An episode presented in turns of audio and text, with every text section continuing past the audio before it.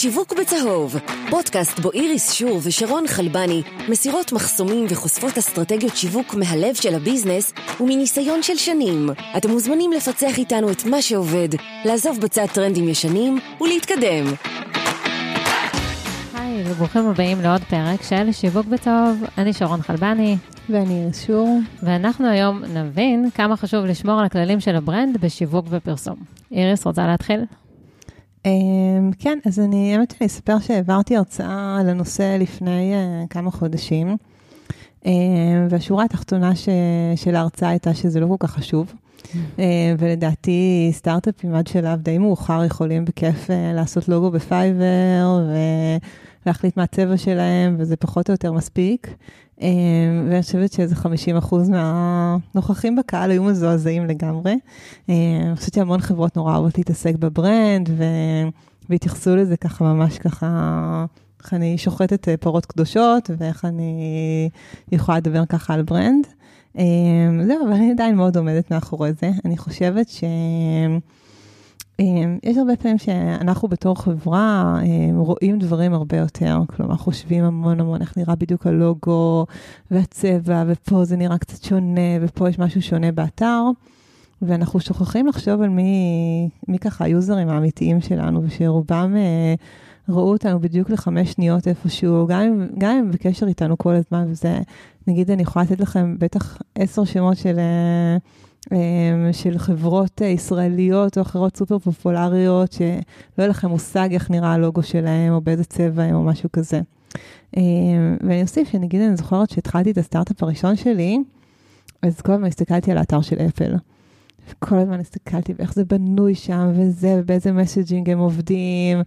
ובהסתכלות אחורה זה כל כך מגוחך, כי בעצם השוויתי את עצמי ל brand שהוא נורא חזק, שאנשים יודעים בדיוק מהו, שהם נכנסים לאתר כי הם מחפשים משהו ספציפי, מול brand שאף אחד לא שמע עליו.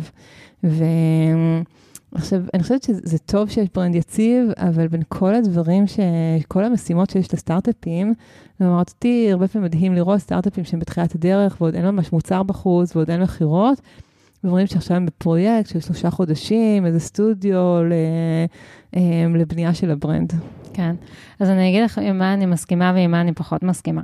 אז אני כן מסכימה שלבקש מסטארט-אפ להשקיע במהלך שיווקי שהוא מטבע הדברים קשה למדידה, זה בקשה שהיא מוגזמת מדי. אמ, אבל כן לחשוב brand כשאנחנו עושים direct response בגוגל ופייסבוק ו email marketing, אה, זה משהו שהוא אפילו חובה לעשות, ואם אנחנו לא עושים את זה, אז לדעתי אנחנו מפספסים את הפוטנציאל. וכאן הייתי רוצה להיכנס לאיזשהו אה, דיון של בעצם מה זה brand. אה, זאת אומרת, מבחינתי, brand של אה, סטארט-אפ זה, עזבי אה, לוגו ואתר. לגמרי אפשר אה, להשתמש בפלטפורמה ליצירת לוגויים, או בפלטפורמה של website builder, אבל לא צריך להשתמש, להעסיק איזשהו מעצב שישב לך על האתר כמה חודשים. אבל כן חשוב לשמור על אלמנטים קבועים, כמו למשל, אה, אני לא אגיד מה, מה הם, כי אני כי הם לא, הם, הם לא קבועים אצל כל אחד, אבל כן אלמנטים שיגרמו לקהל שלנו להרגיש משהו, שיגרמו לקהל שלנו לחייך ולצחוק ולזכור אותנו ולחשוב על משהו מסוים, ואז גם יכול להיות יגרמו לו לזכור אותנו בפעם הבאה. אני מסכימה עם מה שאת אומרת, אני חושבת שכל כך מעט חברות מצליחות להגיע לזה, כלומר, אם עכשיו... אה, אה, אני אשאל אותך, או את המאזינים, לחשוב בעצם על חברות שמשהו במיתוג שלהם מעורר, מצחיק, מכעיס, לא יודעת, משהו שבאמת גורם ל, לרגש, ולא איזה, לא יודעת, לוגו כחול שעבדו עליו המון כן. המון המון זמן, ואף אחד לא זוכר אותו. נכון. Um, עכשיו, בחברה הקודמת שלי, um, אני חושבת שדווקא בגלל שהיה מוצר ככה מאוד טכני ומאוד כבד, של כל הנושא של... uh, ניתוח של קוד בסביבות גדולות, אז היה לי חשוב לבנות ברנד שהוא מאוד קליל. ובעצם יצרנו סדרה של מפלצות, שהן... כל אחת בעצם באה לתאר איזה סוג של בעיה אחרת של, אה, של קוד, של מתכנתים, אמ, ועשינו עם זה המון המון שימושים, זאת אומרת, מההודעה על גיוס כסף שהיה מפלצת שלוחצת את היד של המשקיע, ועובדים חדשים שנכנסו שהיה להם איור עם מפלצת, והבלוג שהיה תמיד מאויר. אני חושבת שאז זה עבד מדהים, כלומר, מההתחלה היו אומרים לי שאת מהחברה של המפלצות, ואנשים היו בטוחים שאנחנו חברה ענקית, כי כל הזמן ראו דברים עלינו, אפילו שהיינו אולי עשרה אנשים, 15 איש. כן, כי עשיתם את זה טוב, התמדתם בזה, והקפדתם לחזור על אותם האלמנטים הזכירים בכל אחת מהפלטפורמה ובכל אחד מהערוצים שעבדתם בהם שוב ושוב ושוב. לגמרי, ואני חושבת שזה נורא נדיר, ואני חייבת להגיד שבאוריבי, לא הצלחתי עדיין להגיע לזה. כלומר, המחשבה הראשונה שלי שהקמתי את אוריבי הייתה ללכת על כל התמה האפריקאית. Mm-hmm. כלומר, אוריבי במקור שלו זה שם של, רציתי משהו שהוא אפריקאי, מתוך מקום של, אה, עם כל הכלים האחרים של דאטה, הם נורא מורכבים, מסובכים, ללכת משהו שהוא חזרה לשורשים, לפשטות, לפרימיטיביות כמעט, זאת אומרת, כזה ככה הסיפור של ה... לא יודעת איפה האנושות התחילה וכזה, איפה הדברים הבסיסיים. אה, והלכתי על צבעים של יותר צבעי אדמה ועל גיאומטריות אפריקאיות וקצת על חיות, וזה פשוט לא היה מספיק חזק, כלומר, לא הצלחתי ליצור קו מקשר מספיק חזק, והרגשתי כן. שזה נורא מאט אותי ונורא מגביל אותי. Mm-hmm. אז קצת קודם כל זה מעניין לשמוע את הסיפור של מאחורי הבחירה של השם של אוריבי. כן. אני חושבת שזאת פעם ראשונה שאני שומעת את זה. Uh, וכן, אני מסכימה איתך שזה קשה לעשות את זה. מישהו שעושה את זה ממש טוב, זה ים uh, רגב והשותף שלו בזסטיז. כן. אה, הוא אמר לי שהמוצר הראשון שהם יצרו זה ה brand, ושהם אה, חשבו איך הם יכולים להעביר את המסר והרגשות בלי להגיד Zest. עכשיו, למי שלא יודע, אני רק אגיד שהאייקון שמלווה את השם של החברה שלהם זה אמ, איור של לימון, והצבעים שלהם זה צהוב וסגול. ואיזושהי אנקדוטה נחמדה שים סיפר לי, זה שכמעט כל שבוע הוא מקבל אה, מיילים והודעות בפייסבוק מכל מיני אנשים, כולל לקוחות, ששולחים לו את הציור של הזסט, שזה בעצם לימון, מכל מיני ברנדים אחרים בעולם שמשתמשים בזה, כמו כן. למשל על חולצות, על בקבוקים. אז אני חושבת שזו באמת דוגמה טובה, ובאמת, כמו שאמרתי קודם, אני חושבת ש... זאת אומרת, אל תשלו את עצמכם שעכשיו אם תבחרו פונט וצבע אה, וגדלים של פסקאות ואיור קטן חמוד, זה אנשים יזכרו אתכם. ואני גם כן אגיד שזה באמת... אה, אה, זה יכול מאוד להגביל. כלומר, כמו שאמרתי, שאני הייתי בתחילת הדרך באוריבי, היה לי מאוד קשה לשלב את זה בווידאוים, והיה לי קשה לשלב את זה בדברים כמו אימיילים, והרבה פעמים מצאתי את עצמי עושה את זה, לא יודעת, איזה דוגמה ככה של אה, משהו ככה יותר שבטי בסוף איזה אימייל, ואז אנשים שאלו אותי אם יש באג, כי הם לא מבינים למה יש איזה זיגזג בסוף, וזאת אומרת, זה הרבה מאוד עבודה, אז כן. הייתי אומרת... ואחד הדברים גם, אחד היתרונות שלנו בתוך סטארט-אפים, זה שיש לנו את היכולת לשבור את הכללים האלה. כן. נכון? כמו שאנחנו ב Oribi עושים כל פעם אה, ראש בראש מול Google Analytics, אומרים שאנחנו טובים מהם, זה משהו שחברה נכון, גדולה כנראה... נכון, ו- ואני חייבת להגיד שאם לא קולעים לזה מאוד מדויק, בוא נגיד שעכשיו הייתי הולכת על, אה, על האפריקאי ולא הייתי מפסיקה אותו, ויכול להיות שעכשיו כל הפרסומות שלנו בפייסבוק היו סביב מוטיבים אפריקאים, וזה לא משכנע אף אחד. אה, אני מכירה בחברות שיש להם סגנון מסוים של איורים או משהו כזה, ו- וזה לא מקנברט טוב. וזה יכול להיות משהו זכיר ל brand, אבל אני חושבת שבסוף כן רוצים לקנברט וזה יותר חשוב. Mm-hmm.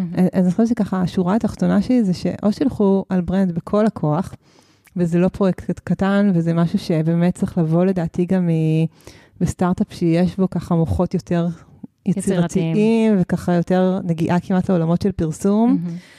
ותנסו את ה brand ותיצרו אותו בכל הכוח, וזה יהיה משהו מאוד זכיר, ואנשים צריכים לזכור אותו אחרי פעמיים, פעם שהם ראו אותו, לא אחרי אה, שמונה פעמים. ואם לא, אז חבל הזמן שלכם בשלבים הראשונים, זאת אומרת שתצמחו, שתהיו גדולים, תשקיעו בו קצת יותר, אבל תתחילו עם, תבחרו צבע, זה לא כזה קשה, אם אתם, לא יודעת, משהו צעיר וחמוד, אתם כנראה לא יודעת, צהוב או ורוד, אם אתם אה, משהו... צהוב זה אנחנו. זה גם, בסדר.